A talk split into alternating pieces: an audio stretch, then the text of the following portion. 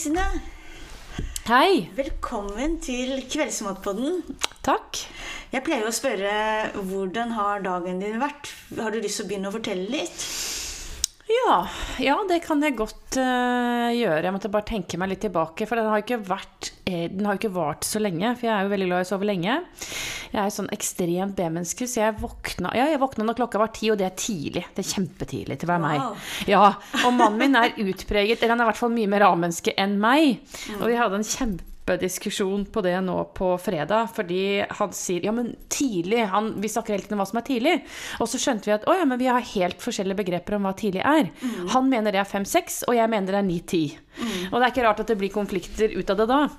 Eh, men jeg våknet ti, og det syns han er tidlig til å være meg. Jeg syns det er tidlig. Og så var det faktisk en veldig god morgen. Vi hadde ett barn hjemme, to hos besteforeldrene sine, altså mine foreldre. Og så begynte jeg å skrive, faktisk. Jeg hentet ned laptopen, og så skrev jeg i senga. Og jeg fordrar ikke at noen kikker på det jeg skriver når jeg skriver masketeksten. eh, og så, og det vet Svein Inge, altså mannen min, og så begynte han å kikke på det, og da kom jeg med en sånn advarsel. Hvis jeg skal ligge her med deg ved siden av meg, så må du ikke se. Det vet han. eh, og da gjorde han ikke det. Nei, nei, han ble holdt på med noe kabal på mobilen sin og sånn. Eh, men så var det nok at han kikket bort og sa én setning sånn 'Skal vi skilles?' At han liksom tok en sånn setning jeg hadde skrevet. Og det er nok til at, som jeg måtte si jo da, at det kan bli litt sånn brutt, den magien jeg har med teksten. Eh, så da hadde han et valg. Eller han hadde ikke noe valg, han sto opp. Ja. ble- Han blir jaget opp. eller? han ble jaget opp, uh, men uten noe dramatikk, for vi kjenner hverandre så godt, så han vet hva det handler om. Ja. Uh, og så skrev jeg, og jeg blir, jeg blir altså så godt humør når jeg skriver, og når jeg har skrevet. Og da kom jeg opp, og da var han Oi, du har ny leppestift, og så godt du ser ut. Og, og da ble det en sånn kjempegod start. Og så var jeg hjemme litt, drakk kaffe, uh, hørte på disse, dette skisportgreiene som jeg overhodet ikke er interessert i. Putta på meg øretelefoner, skrev litt til, eh, og så dro jeg hit. Ja. Så det har vært en, en, en, alt i alt en god dag. ja. Jeg, eh, jeg syns jo det er moro når du sier at du sto opp 9-10 og syns at det var tidlig. Altså, for jeg var jo oppe i morges klokken fem. Og, og, og egentlig litt sur for at ikke jeg var våken fire. Altså litt sånn Men, men jeg kjenner igjen det du sier om å ha det forskuddet på dagen og skrive. Altså Jeg tror bare folk som skriver, kan skjønne hva det handler om. Og få lov til å få den tiden og den nesten sånn renselse for meg, da. Ja, jeg kjenner jo, Det har blitt mer og mer klart for meg òg. fordi jeg har jo vært en sånn utvelgelsesprosess ettersom jeg holder på med mye rart, at det hadde vært lurt av meg å prioritere skrivingen bort for en periode. Eh, og det har vært sånn råd, jeg husker da barna var små også, ja, men kan du ikke bare legge skrivingen på hylla? Men da skjønner de ikke hva skriving handler om. Det er, ikke noe, det er på en måte ikke bare en sånn, eh, sånn, eh, en sånn hund som man på en eller annen måte kan sette bort en helg, eller altså det er, det er livsviktig for meg. Og, og det er en sånn helt sånn Jeg pleier å sammenligne det med treningen til mannen min. Da, at hvis han trener, så blir han i godt humør, får overskudd i oss alt. Hvis han ikke trener, så blir han ganske aggressiv eller irritert, irritabel, eh, og får mindre overskudd. Akkurat, Jeg har ikke noe treningsbehov, men nøyaktig sånn er det med skrivingen. Jo mer jeg får skrevet, jo mer fyller jeg det liksom, energibarometeret. Og jo mer overskudd har jeg til å gjøre alt det jeg egentlig syns er ganske kjedelig. Men nå er det sånn at øh, vi, vi er jo ganske nye, sånn at det er jo ikke sikkert at lytterne vet verken hvem du er eller hvem jeg er. Og, men la oss begynne med hvordan møttes vi? Og så kan vi snakke litt mer om hvem vi er, og så kan vi snakke litt mer om hva vi er opptatt av. Husker du hvordan vi møtte hverandre? Jeg, altså, jeg håper jeg husker det nå, for jeg kjente at jeg ble sånn smånervøs. Så må jeg ikke si noe galt. Nei, altså Det jeg husker er to, Det er to treff som jeg husker, og så klarer jeg faktisk ikke å huske i hvilken rekkefølge de er. Men det ene er, og da traff jeg det ikke, men jeg var på Buddy i Drammen, et utested i Drammen, Yeah. og så sammen med Tore, som jeg da gikk på gestaltterapistudiet med, og vi så deg kan det ha vært lanseringen av Parterapi Ja, den boka. Eh, parterapi i en brytningstid. Ja. Eh, en av mine favoritter, helt objektivt sagt òg, altså. Helt ærlig. Eh, men da var vi i hvert fall og så deg på scenen, og eh, var full av beundring. Da var du på en måte sånn et hakk over oss. ikke sant? En erfaren terapeut, og du satt på scenen og virket så trygg. Eh, og jeg tenkte, hvordan kan man være så trygg som en terapeut? Og vi, vi gjemte oss i kroken og drakk øl og, og sånn. Men jeg tror ikke at jeg hilste på deg. Så det er det ene som jeg husker. Og så husker jeg første gangen, det må ha vært første gangen jeg hilste på deg, det, det må ha vært etterpå. Eh, det var på Gyllendal.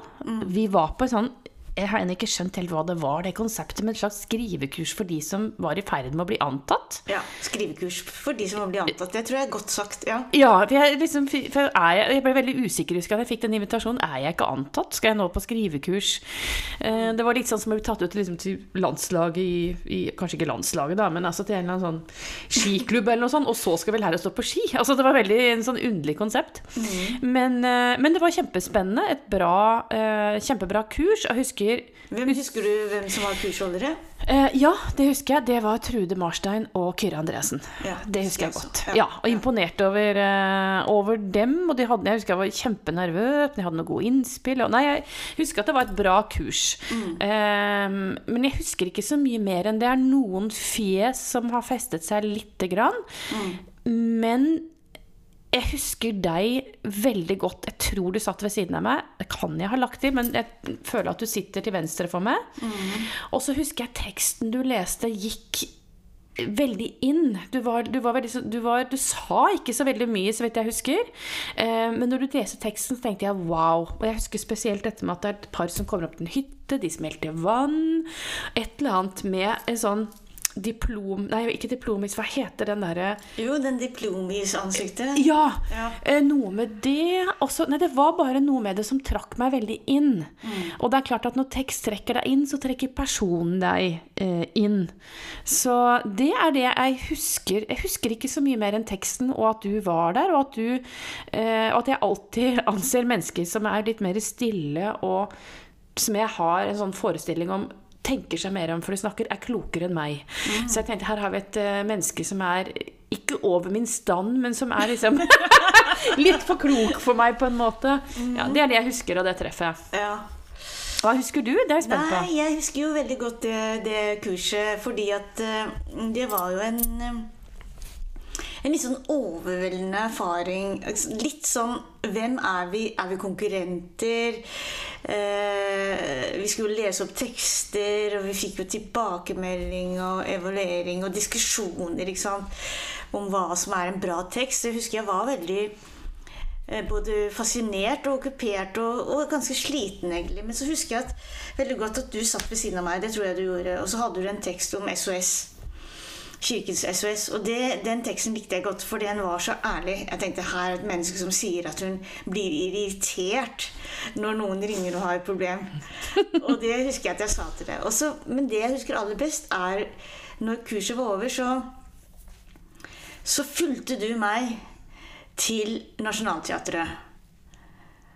Og da tenkte jeg at nå er vi i en situasjon hvor vi ikke kan spørre hverandre skal vi treffes igjen. Altså det, det, det å være voksne mennesker og godt etablerte og, og hvordan forhandler vi på en eller annen måte frem med et eller annet sånn 'Jeg har lyst til å treffe deg igjen'. Og det husker jeg veldig godt, for jeg, det var sånn, du fulgte meg. Jeg skjønte ikke hvorfor du fulgte meg til den eh, banen. og Du, Du hadde egentlig ikke så mye å si, men så til slutt så fikk en av oss sagt at kanskje vi skulle lage en skrivegruppe. Husker du det? Helt blankt. Husker ingenting av dette her. Nei.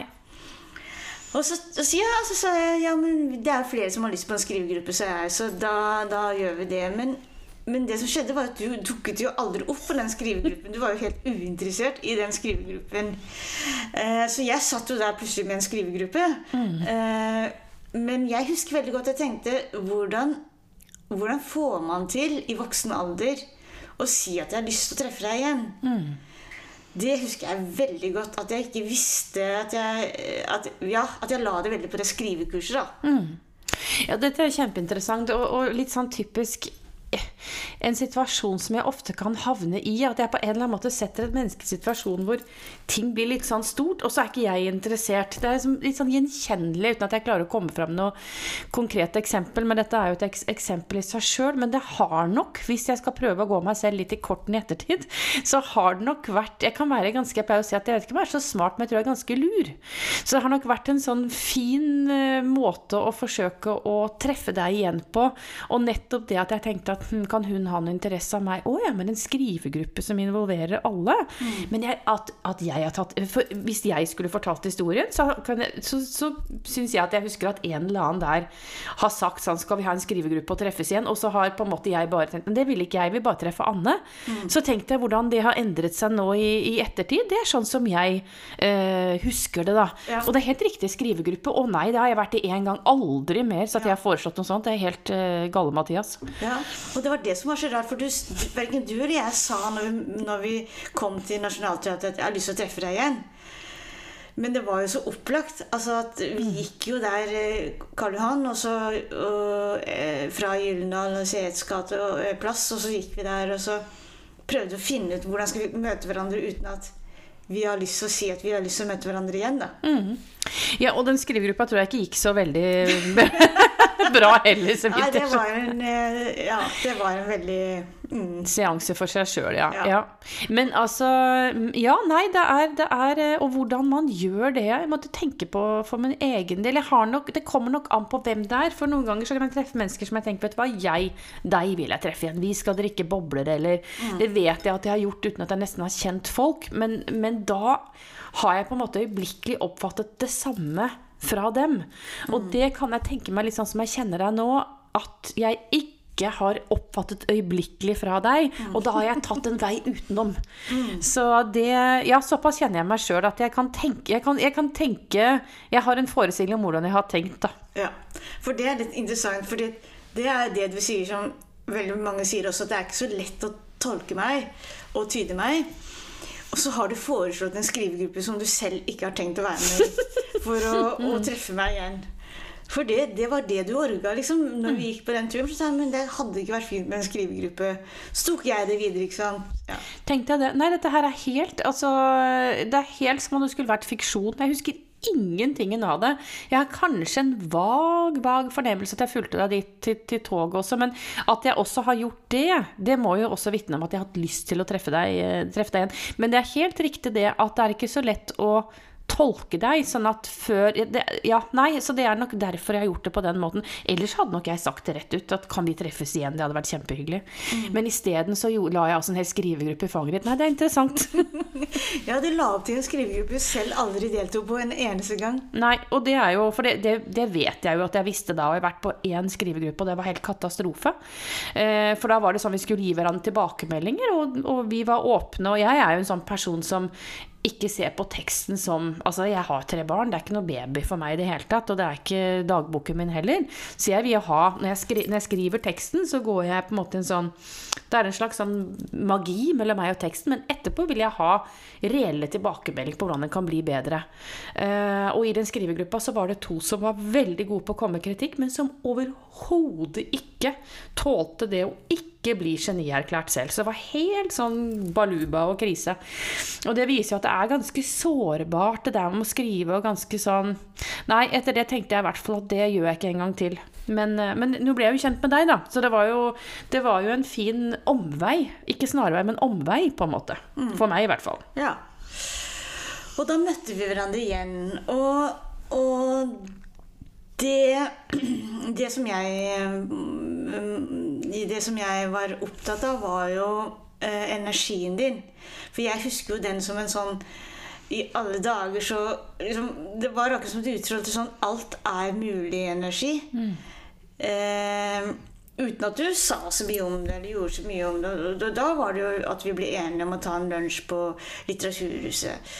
Men Kristine, kan ikke du fortelle litt om din eh, karriere eller din vei inn til det du er nå? For nå er du veldig mye. Mm. Ja, det er interessant at du sier alt er mulig energi. Det er jo sånn som jeg har hørt mange ganger. man ser jo ikke seg selv utenfra, i hvert fall ikke gjør jeg det. Eh, men det er veldig sammenfallende med det jeg føler og tenker. Og jeg tror at det må du på en måte bare leve. Altså, det går an. Jeg pleier å si at det er forskjell på å tenke eh, alt er mulig, eh, og så er det en forskjell på Eller jeg pleier å si at når jeg hører noe, f.eks. det alt er mulig, um, så er det en forskjell på at jeg tenker det, og når det på en måte manifesterer seg i kroppen at nå føler jeg det, alt er virkelig mulig. Mm. Jeg pleier å si det at når det, når det, på en måte lander i kroppen. Men akkurat det med at alt er mulig, det har jeg aldri følt lande, for det tror jeg bare alltid har vært der. At jeg bare tenker at alt er, er mulig. Mm. Um, så, men for meg så, ja, den veien at det er nesten Det er veldig vanskelig å det er veldig vanskelig å snakke om den veien, for den er så, det er så brokete og så mye og så rart. Og så mm. Men jeg kan jo bare ta så veldig den kortversjonen av det, er at siden jeg var elleve år, så har jeg villet skrive tekster og ville eh, ikke være forfatter, for det tror jeg nok er noe som jeg på en eller annen måte har klart å skape en greie ut av i ettertid. Men jeg var veldig glad i å skrive, og ikke så glad i å lese. Okay. Og det er jo en sånn ting som veldig mange syns er underlig. Man må lese, man må lese. Sånn. Ja, jeg var aldri noe glad i å lese. Eh, eller jeg var sånn at jeg leste, jeg leste litt, og så øyeblikkelig ville jeg skape noe selv. Jeg har en sånn enorm skaperkraft. Eh, og så, så det kan jeg huske. Mamma, som, mamma, er jo sånn som leser en bok om dagen. Forsynt meg med bøker. Vel, pappa leser ekstremt mye.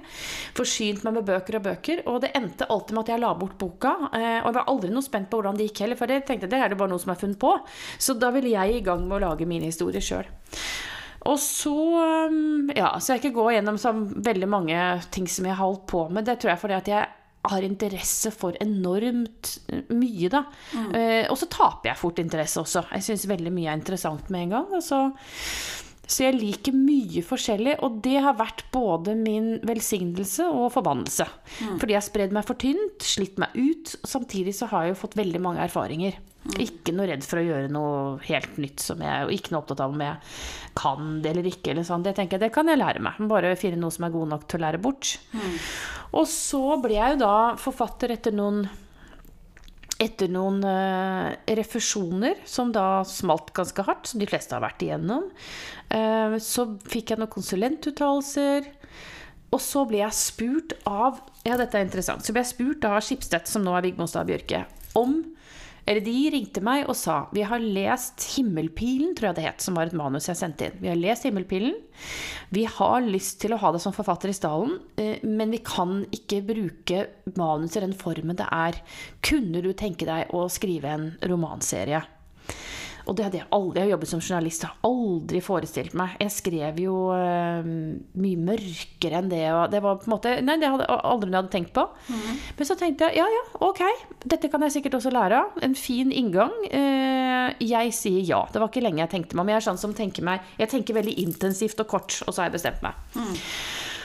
Og det var helt riktig. Jeg lærte meg jo viktige ting. Jeg lærte meg å lage cliffhangere. Jeg lærte meg å bygge opp et karaktergalleri. Jeg lærte meg ikke minst å være kreativ på kommando. Der kan du ikke sitte og tenke om noe skal være bra nok eller ikke. Du må skrive. Etter hvert så hadde jeg vel nesten Jeg hadde to uker på én bok på det snaueste. Ja, ja. Og da setter du deg bare ned og skriver. Altså, det nytter ikke å tenke, tenke for mye.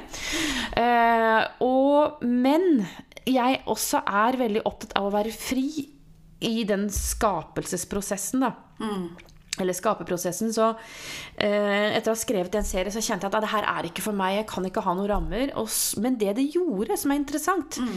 det var at jeg slapp alle mine på en måte begrensninger og tenkte ok, nå må jeg til kjernen av hvem jeg er som forfatter. Og så skrev jeg altså en mørk bok om et incestiøst forhold mellom eh, mor og sønn, og altså et forkvaklede sjeler som finner hverandre, som het da 'Due i mørk saus'.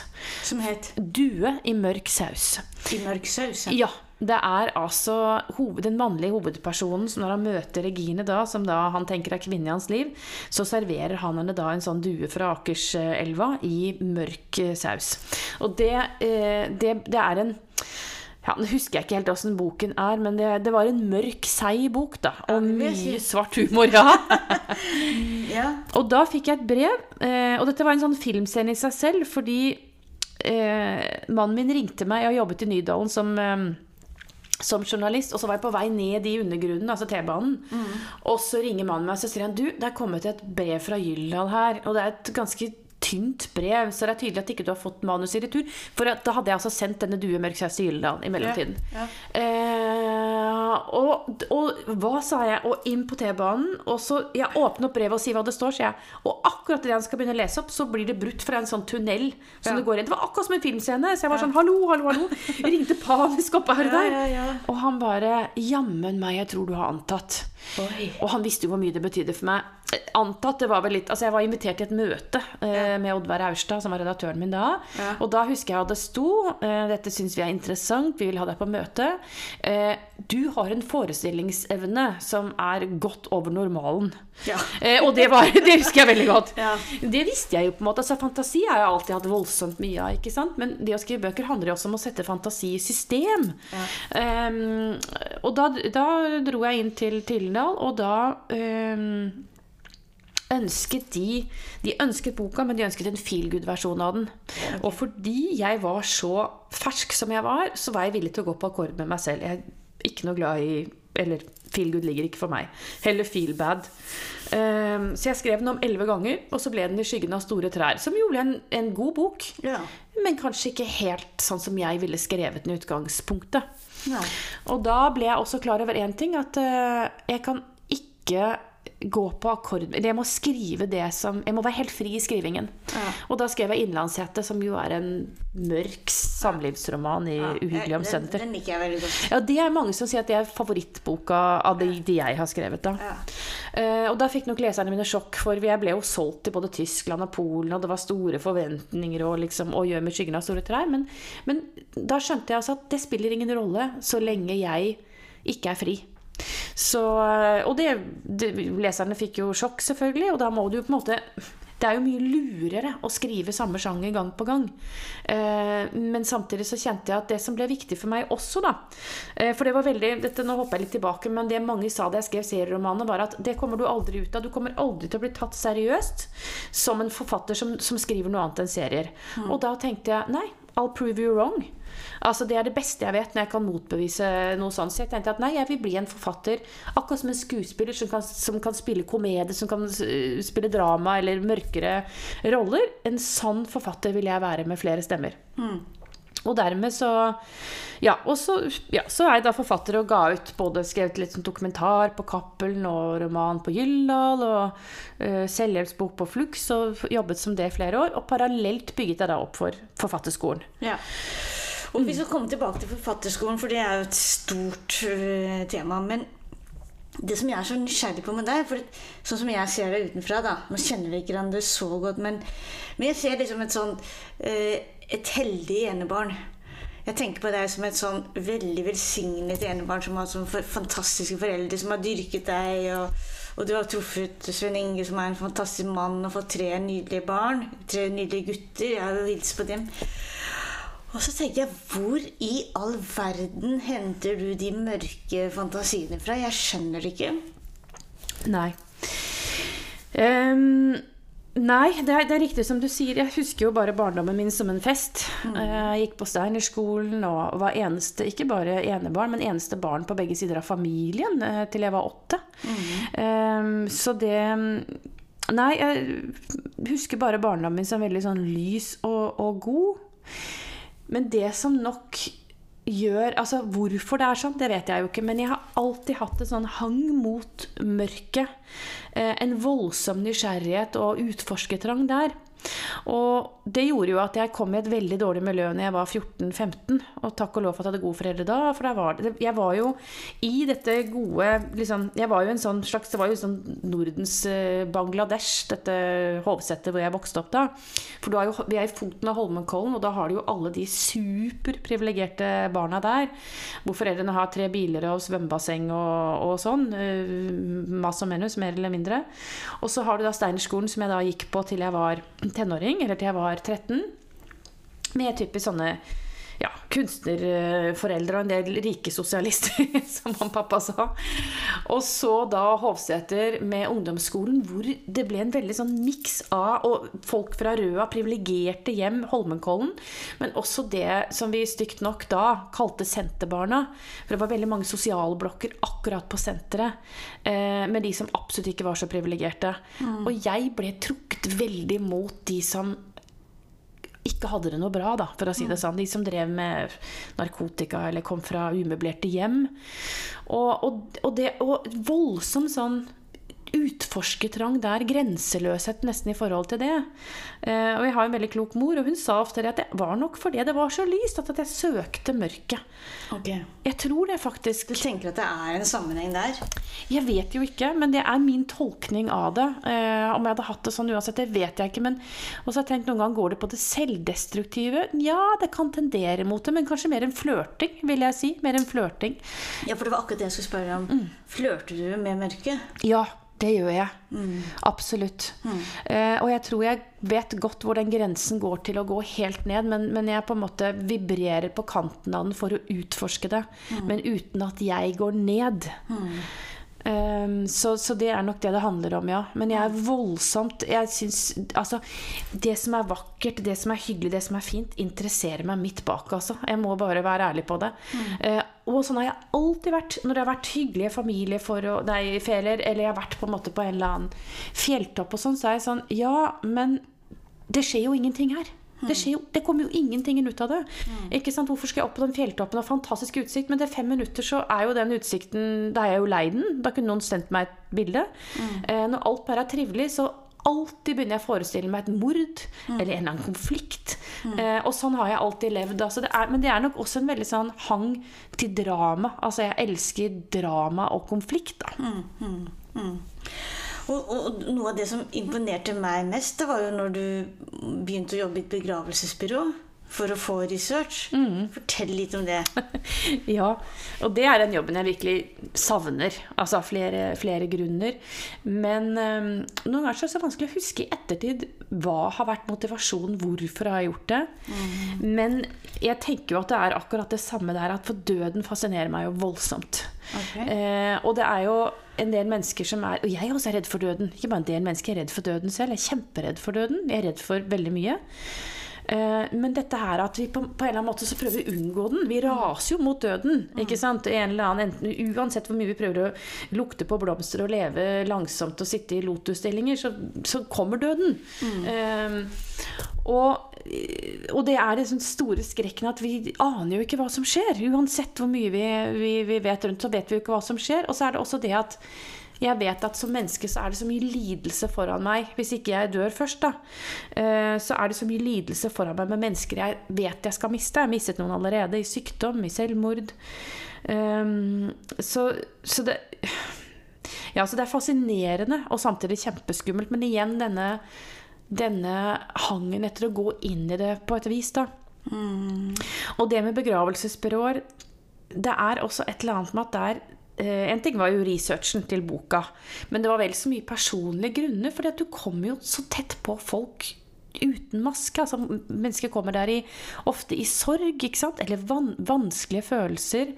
Eller, eh, for det er jo en helt absurd situasjon at når du har mistet noen, uansett hva slags forhold du har til vedkommende, så skal du sitte og finne salmer eller et eller annet praktisk, da. Mm. Så det er så mange ting som er fascinerende. Og ikke minst denne seremonien eh, som det skal være rundt at denne personen mm. da dør. Mm. Og, eh, og, det, og, da sa han det veldig godt, han sjefen. Han sa det er som et teaterstykke. Og du, du har ikke generalprøve engang. Det må gå bra første gangen. Mm. Og det trigger jo meg så voldsomt. Mm. Eh, ikke sant? For da tenkte jeg åh, det er teaterdrama.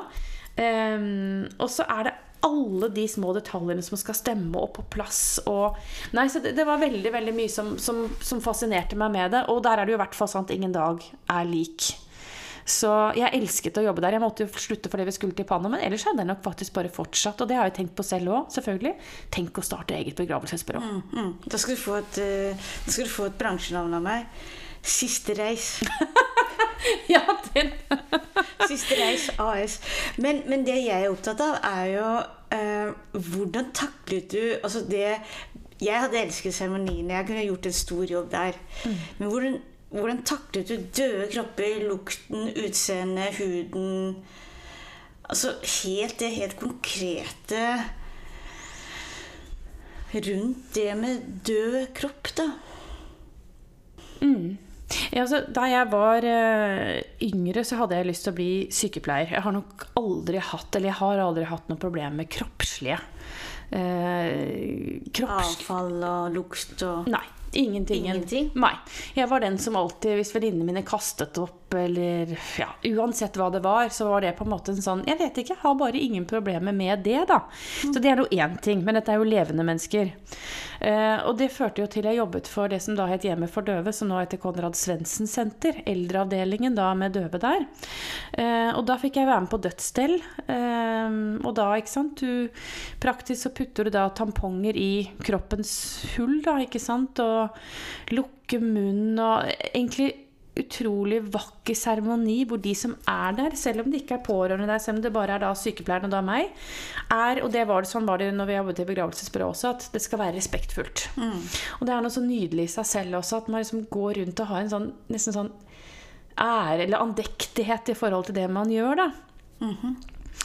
Eh, og det gjorde på en eller annen måte at eh, det ble bare veldig fint. En fin måte å avslutte eh, livet på. Og dette var jo ikke noen som var nær meg. Det er klart det, må, det vet jeg jo ikke hvordan, hvordan er. Men i begravelsesbyrå så fikk jeg fort et praktisk forhold til døden. Og det fascinerte meg veldig. Men, men det er jo det har noe med tilpasning å gjøre òg. Og jeg husker jo de første gangene hvor jeg da så eh, et dødt menneske, og da var jeg forberedt på at dette her skal jeg klare. Jeg har sett et dødt menneske før. Jeg har et ganske avslappet forhold til kropp. Og allikevel så kjente jeg bare at åh, nå holder jeg på å besvime. Det begynte å prikke fingrene og sånn. Eh, og det lå et menneske, han var gul i ansiktet og, og, og var iskald. For vi hentet han jo ut da fra, fra kjølerommet, da. Eh, og han som jeg jobbet sammen med, var kjempepraktisk. Og han var bare Det ble litt sånn komisk også for meg, men, men veldig opptatt av det praktiske rundt det. At, eh, og sånn kjempesint, jeg tror jeg har det med i boka, jeg har fått lov, de har jo lest gjennom òg, men dette her med at de hadde brukt eh, ja, et eller annet eh, sikkerhetsnåler istedenfor sånn og sånn med det lakenet. Akkurat som ja, man irriterer seg over at en eller annen man bor sammen med, har satt i oppvasken feil. ikke sant? Men det ble så absurd for jeg var- Men han, han er jo død! For meg var det bare han ligger der og er død. Um, og hvordan vi skulle gre håret hans, og fikk et sånt bilde fra hvordan han så ut før han skulle på syning og pårørende og sånn. Og så kjente jeg bare nå besvimer jeg. Og så så vel han det på meg, for han sier at går det bra, liksom? Jeg bare, jeg tror jeg besvimer. Å ja, da setter jeg rett ned. Og dette er de kjempevant til, ikke sant? Fordi veldig mange har akkurat den eller, um, reaksjonen første gang du ser Første gang. Ja. Ja. Så det var din førstegangsreaksjon? Det var at dette er ille? Det var det. det var kjempe... Og da hadde jeg jo igjen sett et dødt menneske før. ikke sant? Jeg hadde jo stelt døde mennesker, men det var noe med at han har ligget så lenge der og var så kald og, og så gul i ansiktet. Det, var så, det ble så Og innmari mye død. Tok du på huden? Ja, og det var det jeg ikke jeg turte. Og så setter jeg ned, og så sier han bare Blir du med i det tempoet du vil her, sa han. Og, så, og det var veldig fint, fordi han gikk rundt og småpratet så lenge og holdt på og, med den, den og den, altså alle disse ritualene og sånn. Og så fikk jeg lov til å ta det i mitt tempo. Det var veldig fint at han bare gikk rundt og pratet og var veldig triviell, triviell rundt døden, eller dette mennesket. Og så etter hvert reiste jeg meg, og så øvde jeg meg på å ta på vedkommende og sånn. Og så er det Beskriv, Ja. beskriv den følelsen. Hvordan er det å ta på et dødt menneske? Altså, han var jo veldig, veldig kald. Iskald, Ja. ikke sant? Eh, og, så, og det jeg husker som jeg tenkte, var at han Altså, hvorfor puster han ikke? Det er så naturlig at et menneske puster. Men han ligger der og er. Og samtidig er han ikke. Ikke sant? Så jeg ble stående og se på brystet hans. eh, og det, han er jo stille.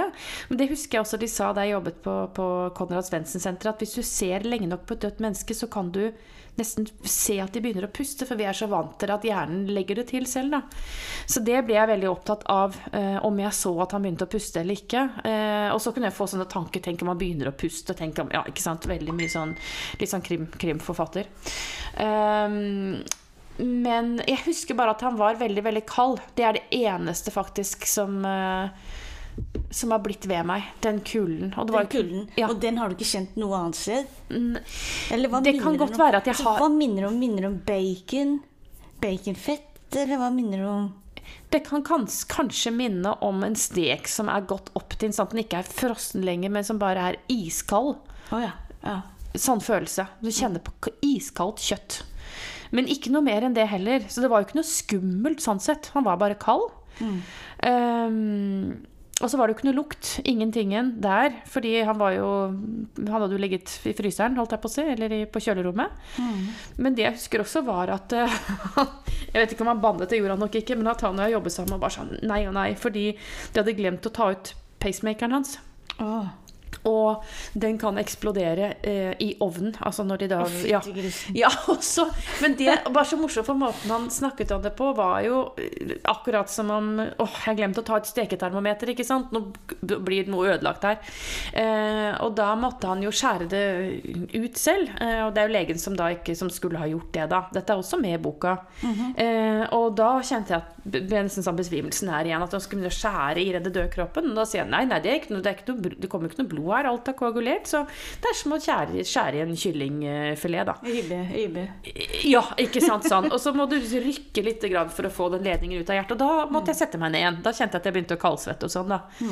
Men det var ikke mer enn den ene gangen som skulle til heller, før jeg på en måte vennet meg til det. Og, og det gjorde jeg òg. Jeg vennet meg til det. Jo mer jeg gjorde det, jo mer ble jeg vant til at uh, Sånn er det. Akkurat som man står jo Når du lager mat, så står du jo faktisk og holder på med dødt kjøtt. Ja da. Men tenker du mye på døden, Kristine? Voldsomt. Er du en, en person som er opptatt av døden? Ja. Og mer og mer, dessverre. Eh, eller dessverre, dessverre og heldigvis. Jeg husker vi hadde om på, på NGI da, på, når jeg gikk og tok gestaltterapi, eller ble gestaltterapeut, så snakket vi jo mye om dette her med eh, Jeg har jo også en Altså jeg får fort et litt sånn humoristisk perspektiv på ting òg. Livet er jo tragikomisk. Jeg tar det på alvor, og samtidig så blir jeg fort lattermild. Og den helgen vi hadde om disse syv sannhetene som går på vi fødes alene og dør alene, og alt har en ende og sånne ting, så var det vel ikke sant vi var så veldig lyse til sinns, noen av oss, etterpå. Og så var det en elev som spurte hvorfor skal vi ha så mye om døden, hvorfor skal vi snakke så mye om døden? Og så sier hun læreren at fordi at det kan få oss til å leve sterkere. Og det har jeg tenkt mye på. Eh, og samtidig så for meg er det en liksom, tynn linje mellom at den blir nesten sånn begrensende at jeg, jeg blir redd, da. Eh, og så tror jeg jeg er så altfor klar over eh, Jeg har det så altfor langt framme i pannebrasken i perioder mer enn andre. Denne perioden nå så har det vært helt forferdelig. Så er det nok nå at jeg vet at barna mine er på vei hjem med toget, så ser jeg for meg helt fysisk at det, at det er to menn som tar dem av toget, som torturerer dem altså, får, og, og dreper dem. ikke sant? Og da, er jeg sånn, da, er, da kan jeg like gjerne bare hoppe utfor en klippe. Men vent, jeg har en mann og et barn til hjemme. altså og så ser jeg flykrasjulykker og Baneheia-saken. Altså jeg oppsøker på en måte det også, samtidig som jeg vet det her gjør meg jo ikke noe godt. Um, det eneste positive med det er at jeg kan på en eller annen måte tror jeg setter pris på det jeg har her og nå, prøver i hvert fall, og at jeg kan bruke det kunstnerisk på en eller annen måte mens jeg skriver. da. Men ja, jeg i perioder tenker så mye på døden at jeg blir eh, gal av det, rett og slett. Ikke min død. Den er det ikke så farlig med, egentlig. Jeg tenker den Forhåpentligvis så bare ja. Men de rundt meg, og, og hvor sårbart det er. Det er nok at én faller gærent i en slalåmbakke, så er livene til oss andre for alltid eh, noe helt annet, da. Det blir jeg helt sprø av. Men sa du nettopp at du tenker mer på det nå i koronatiden, eller eh, hørte jeg feil? Ja, jeg gjør det. Eh, Jeg vet ikke om det er tilfeldig, men jeg, jeg tror ikke det. Fordi disse nyhetene som Jeg tror ikke vi skal undervurdere at nyhetene nå Nå er det nesten så at jeg begynner å tenke hva var det egentlig på nyhetene før vi hadde koronaen? For at det, det har blitt en sånn forferdelig vane. Eh, Den er jo der hele tiden. Og så, Jeg tar jo offentlig transport, eh, og jeg syns nå at når jeg tar tog og buss, så er det sånn Jeg føler jeg setter meg nesten på sånn dødens eh, Altså det er jeg, jeg vet ikke om det er øynene mine som velger ut, eller om det er sånn, men jeg syns på en måte uansett hva jeg ser, så ser jeg inn i et eller annet sånn tomt, mørkt blikk. Eller altså, jeg føler at jeg er med i litt sånn David Lynch-film, da. Eh, og den følelsen fikk jeg nå når jeg kom ut også. Det gjør meg vettskremt. Og så kan jeg begynne å få sånne tanker som nå ser du hva som skjer i Texas, ikke sant? Det- det- snøgreiene. Altså, som, det blir veldig lett sånn Er dette verdens undergang? Altså, er det nå vi skal utryddes, da? Um, og det er jo veldig fint hvis alle går på én gang, men det er den lidelsen som kan være på vei dit, da. Ja. Ja, For som det jeg er jeg en- enig i. Altså, enten alle på en gang, eller så må vi spare våre nærmeste, liksom. Jeg tenker at Hvis du plutselig blir truffet av en eller annen meteor, eller hva det er, at du plutselig krasjer i et eller annet nå, ja, men flott, da går vi alle sammen Det på er jeg likt. helt enig. Ja. Sånn jeg også vil gå ut av tiden, med alle sammen samtidig. Men tenker du at, at det med døden eh, Du har mistet noen, eller?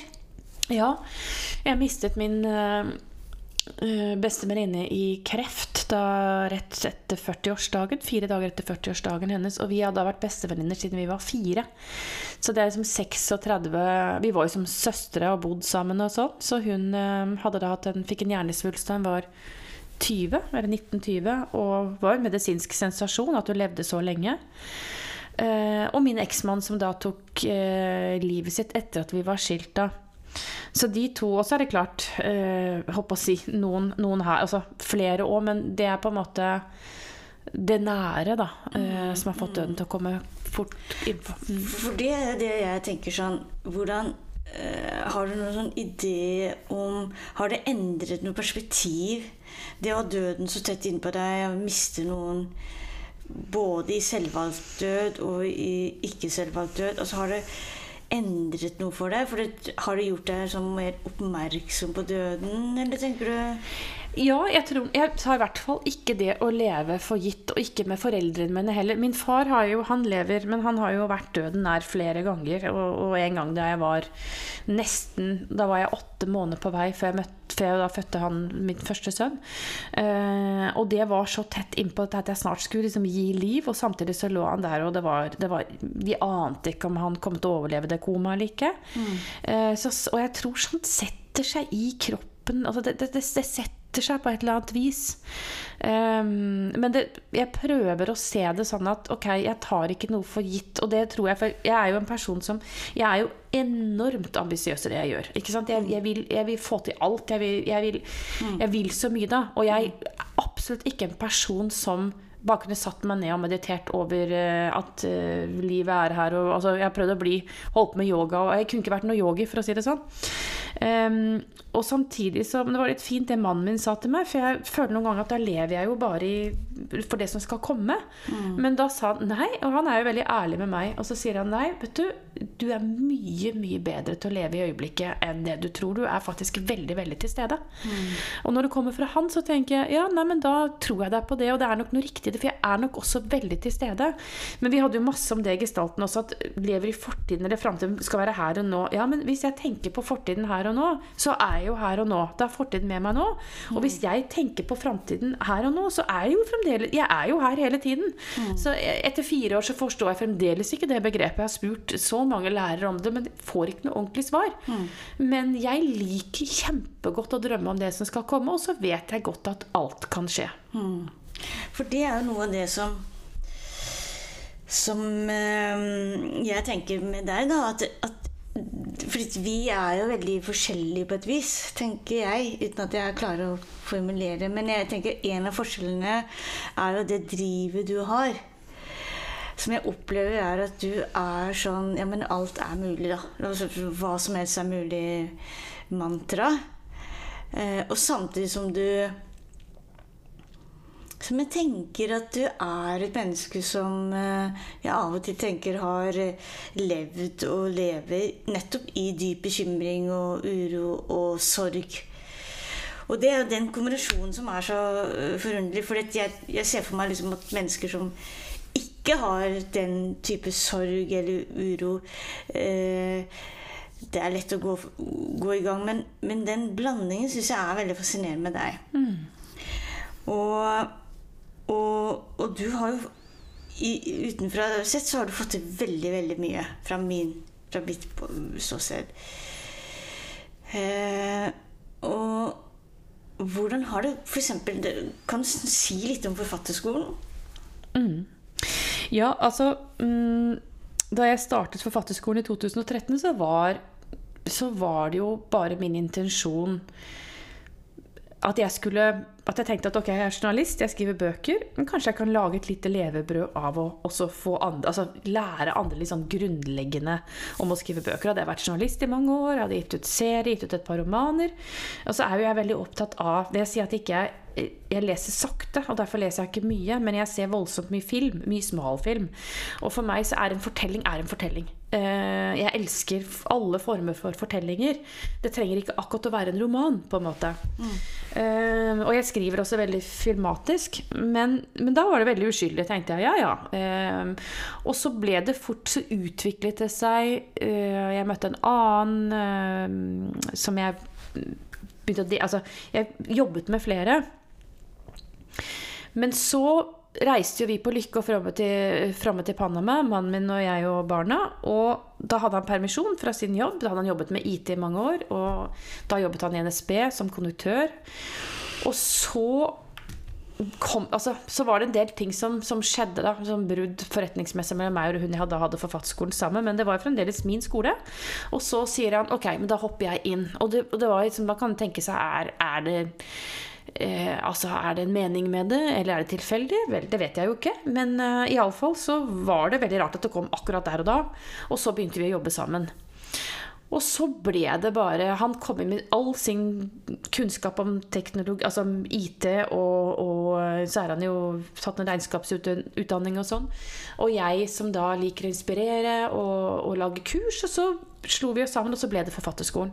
Og så har det jo bare vokst i løpet av alle disse, disse årene. Jeg er jo først og fremst For det er jo veldig mange som tror at jeg Altså, vi har jo veldig mange Vi har jo hatt flere tusen studenter, og det er jo en kjempestor skole. Ja, hvor, mange, hvor stort er det, Kristine? Si det. Ja, si det, ja. ja det er det. Altså, jeg tror vi har nå 1500 aktive studenter. Altså, vi har jo hatt igjen flere tusen men som abonnerer på skolen. Men så får vi jo stadig inn flere på nye kurs. Mm.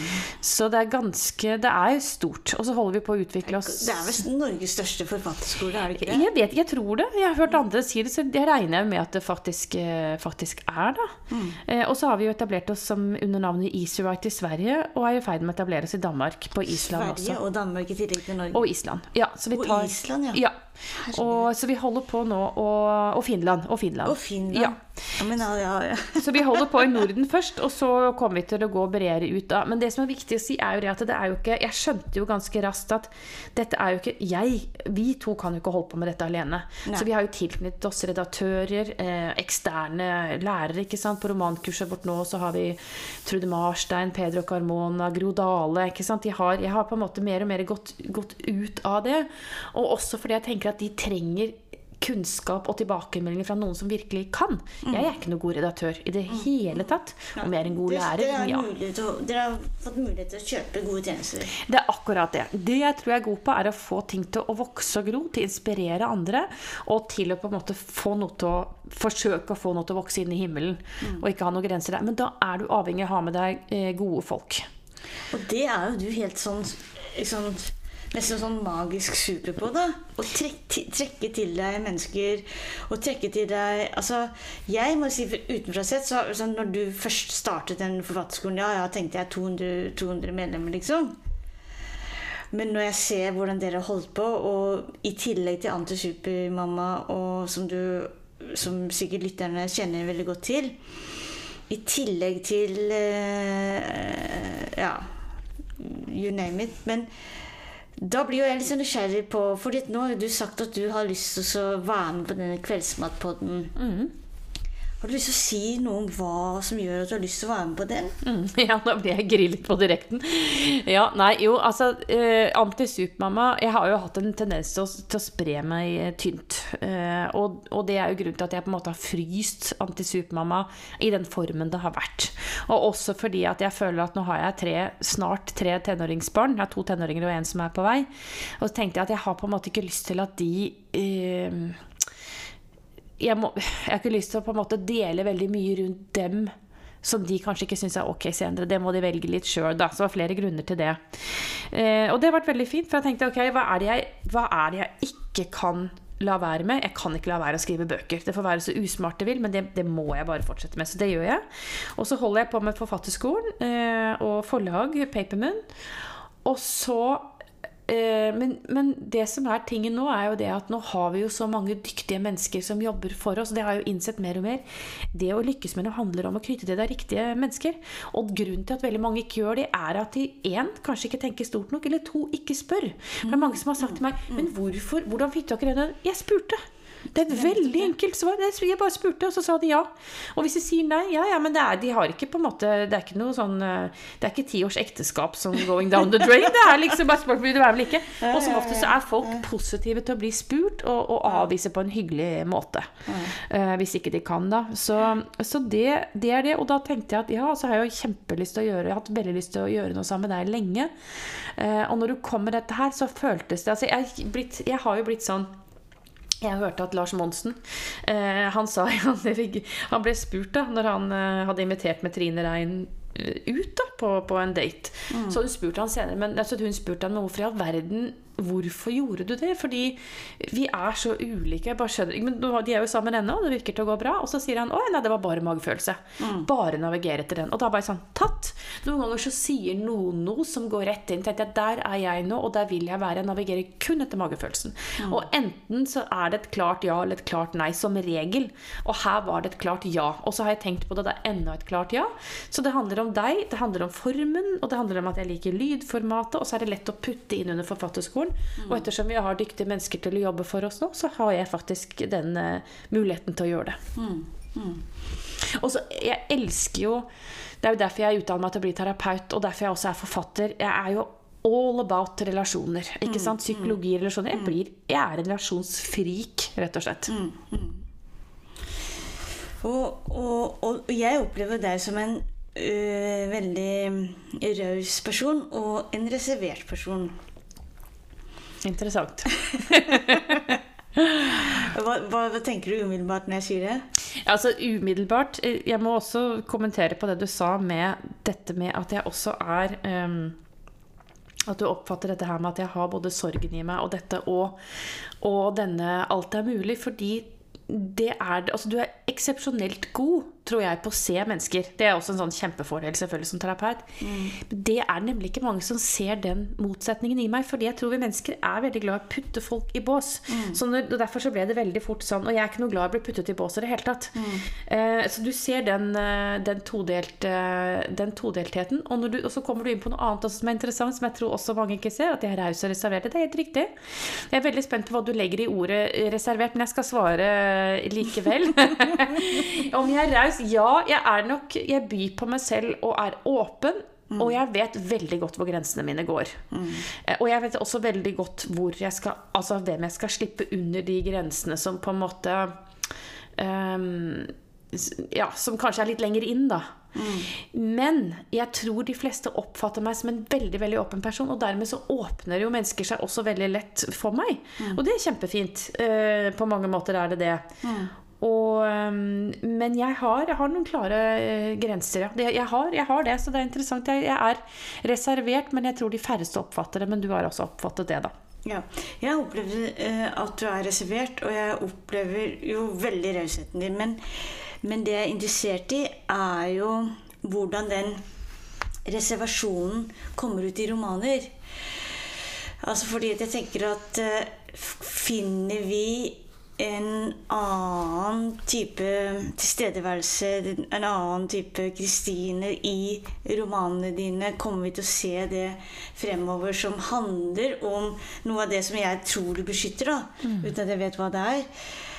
I romanene, tenker du at det er et viktig sted å være raus?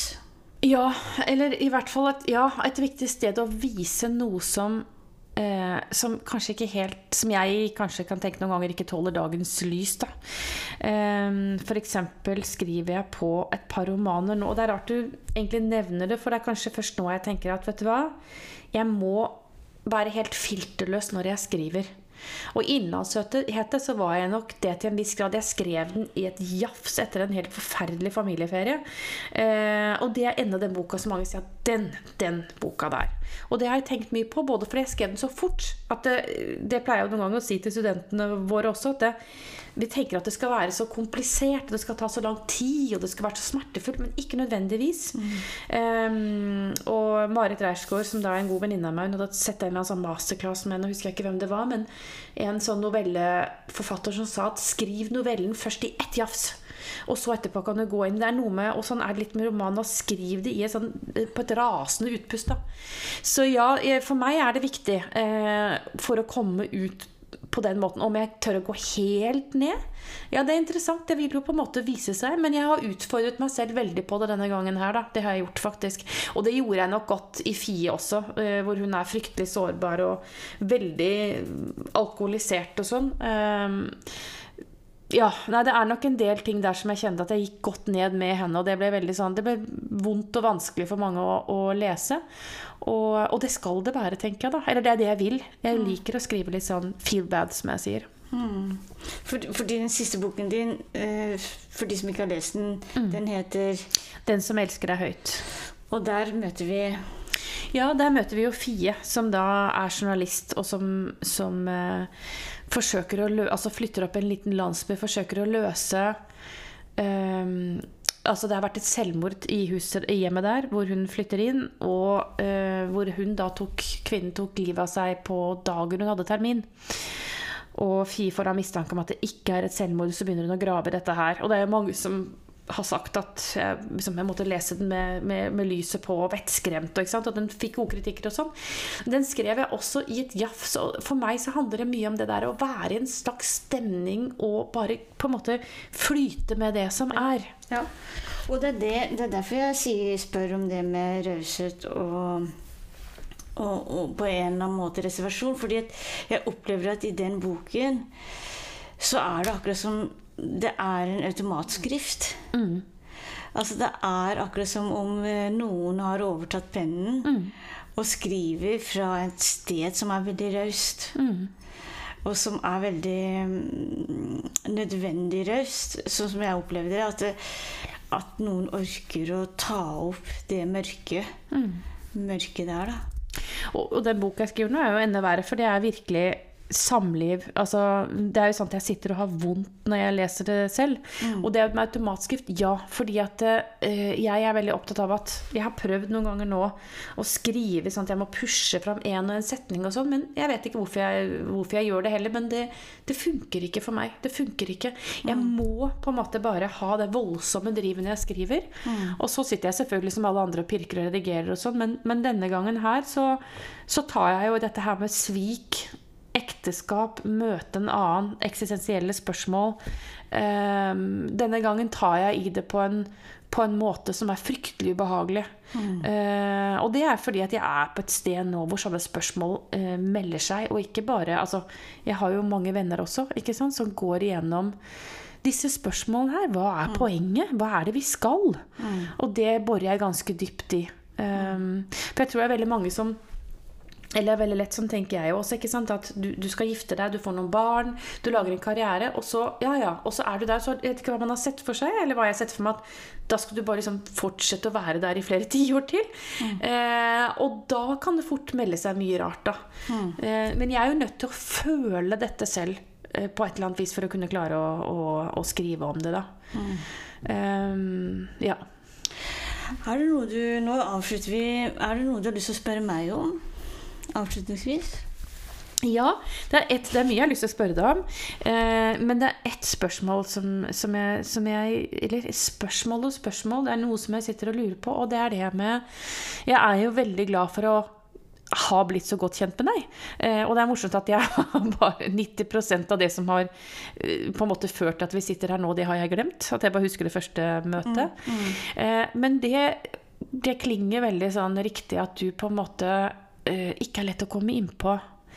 Og det mm. er jeg liksom nysgjerrig på. at Hva er det du, uh, er det at du beskytter, eller hva, det, hva, tror du det skyldes? Mm.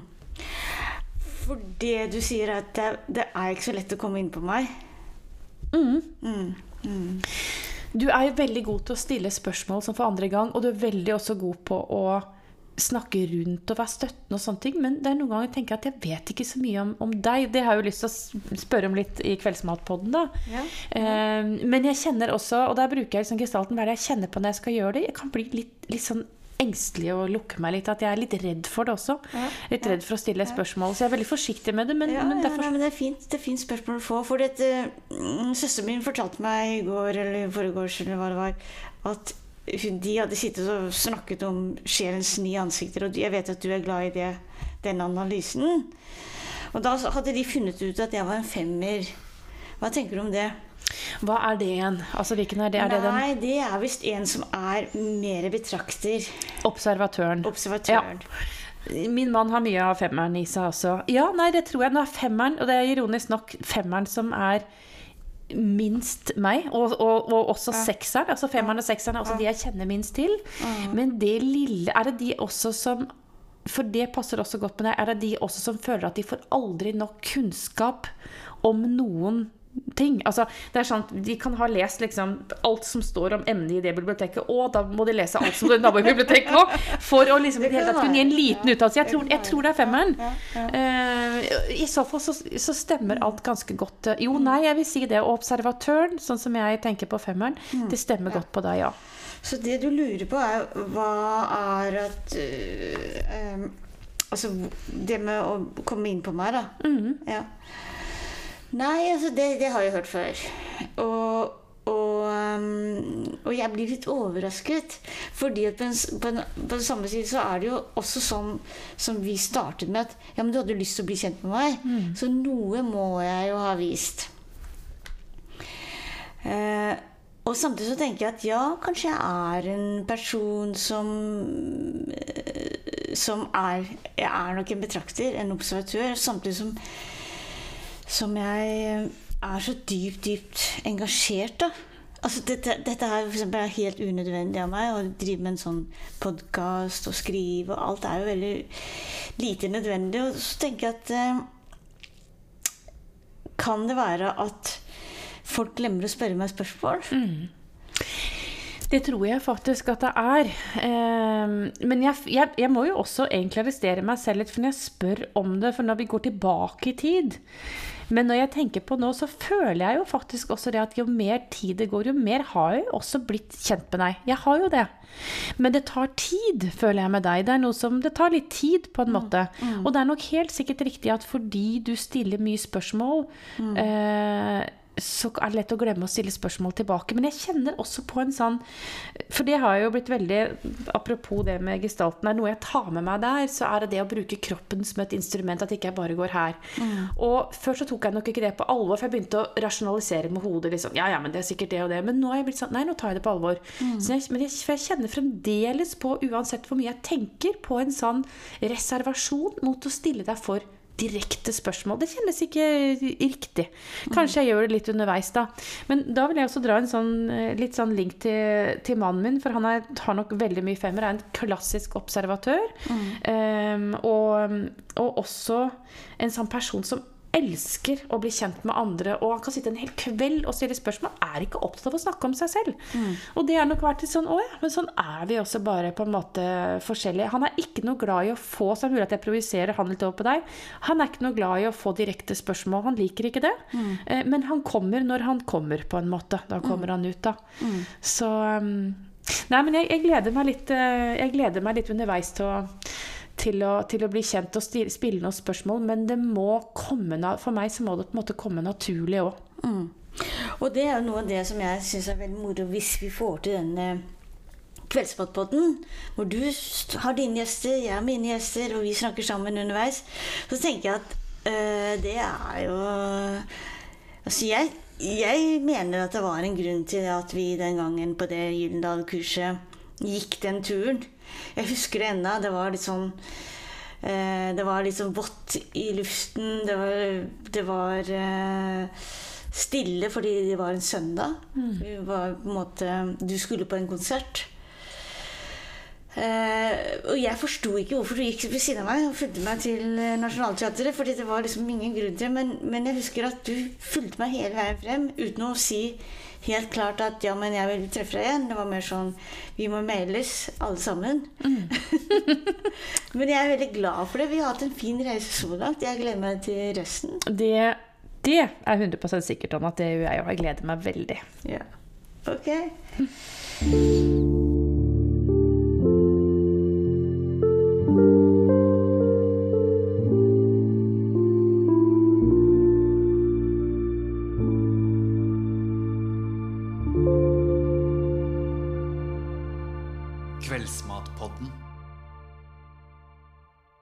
Takk for at du hørte på Kveldsmatpodden. Den er laget av Anne Øfsti i samarbeid med Forfatterskolens rektor, Kristine Storli Henningsen. Musikk av Torjus Hepsø Gullvåg. Følg oss gjerne på Facebook og Instagram, hashtag Kveldsmatpodden.